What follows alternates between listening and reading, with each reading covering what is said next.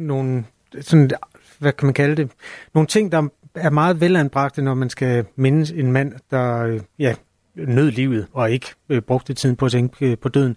Dem har vi om cirka 10 minutter her i Radio 4 morgen. Lige nu der er klokken halv syv. Nu er der nyheder på Radio 4.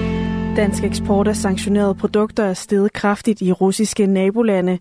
Det viser en gennemgang Radio 4 Morgen har foretaget. I EU opdaterer man løbende en liste med varer, som kan bruges militært af Rusland og som derfor er sanktioneret. Varerne på netop denne liste ryger dog fortsat ud af Danmark, særligt til tredje lande, som fortsat handler med Rusland. Det fortæller Anders Overvad, der er chefanalytiker i Tænketanken Europa. Det kunne øh, være kinesiske selskaber, indiske øh, fra Kazakhstan, Tyrkiet, Azerbaijan. Vi kender en hel masse af de her lande, som nu handler mistænkeligt meget mere med Rusland, end de gjorde før krigen. Det er varer som kuglelejer, antenner, elektroniske processorer og dele til helikopter og droner, som står på listen. De er udvalgt, fordi man har fundet, fordi man har fundet netop de her komponenter i russiske missiler og våben på slagmarken i Ukraine. Den danske eksport af varerne er steget med 270 procent til Armenien, siden Ruslands krig mod Ukraine begyndte. Og for Kazakhstan er det mere end 200 procent, for lande som Georgien, Irak og, og Azerbaijan er det langt over 100 procent.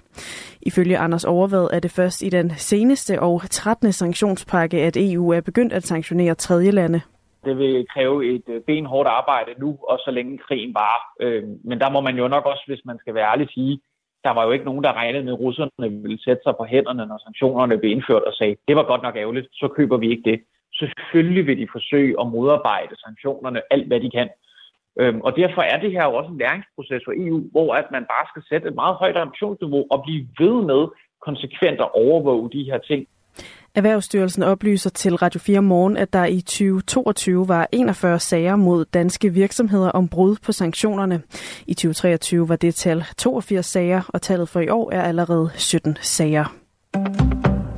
Martin Henriksen vil, så fremt han bliver valgt som formand for Nye Borgerlige på et ekstraordinært årsmøde den 16. april, genåbne Nye Borgerliges ungdom. Det siger han i går aftes til Ritzau.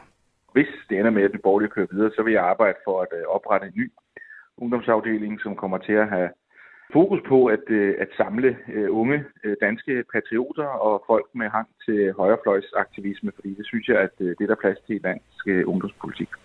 Ungdomspartiet Nye Borgerliges Ungdom opløste i går sig selv. Ifølge den nu forhenværende formand for Nye Borgerliges Ungdom, Tænder Røbjerg, så blev beslutningen om at lukke Ungdomspartiet taget på baggrund af Folketingsgruppens nedlæggelse i januar. Derfor er det simpelthen svært for os at se, at vi har noget hvad skal man sige, eksistensgrundlag i, i Ungdomspartiet. Øh, og det er fordi, at vi jo er dybt afhængige af selvfølgelig at have noget politisk eksponering fra Christiansborg. Opløsningen af Nye Borgerliges Ungdom er sket i forbindelse med en afstemning på to landsmøder i Ungdomspartiet, og den nu afgående formand, Tina Røbjerg, har desuden meldt sig ud af Nye Borgerlige, oplyser hun.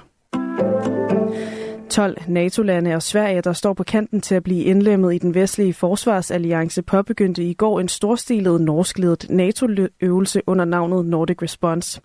Øvelsen foregår i Nordens arktiske områder indtil den 15. marts. Over 20.000 soldater deltager i øvelsen, der er en del af Steadfast Defender, som er den største NATO-øvelse i årtier. Også danske styrker indgår med 1200 soldater. Og det skulle lige have været øh, et blik på vejret, fordi vi kigger nemlig på vejret nu i de nordøstlige og østlige egne nogen sol. Ellers tørt og skyde, men efterhånden lidt eller nogen sol i hele landet. Temperatur mellem 5 og 8 grader.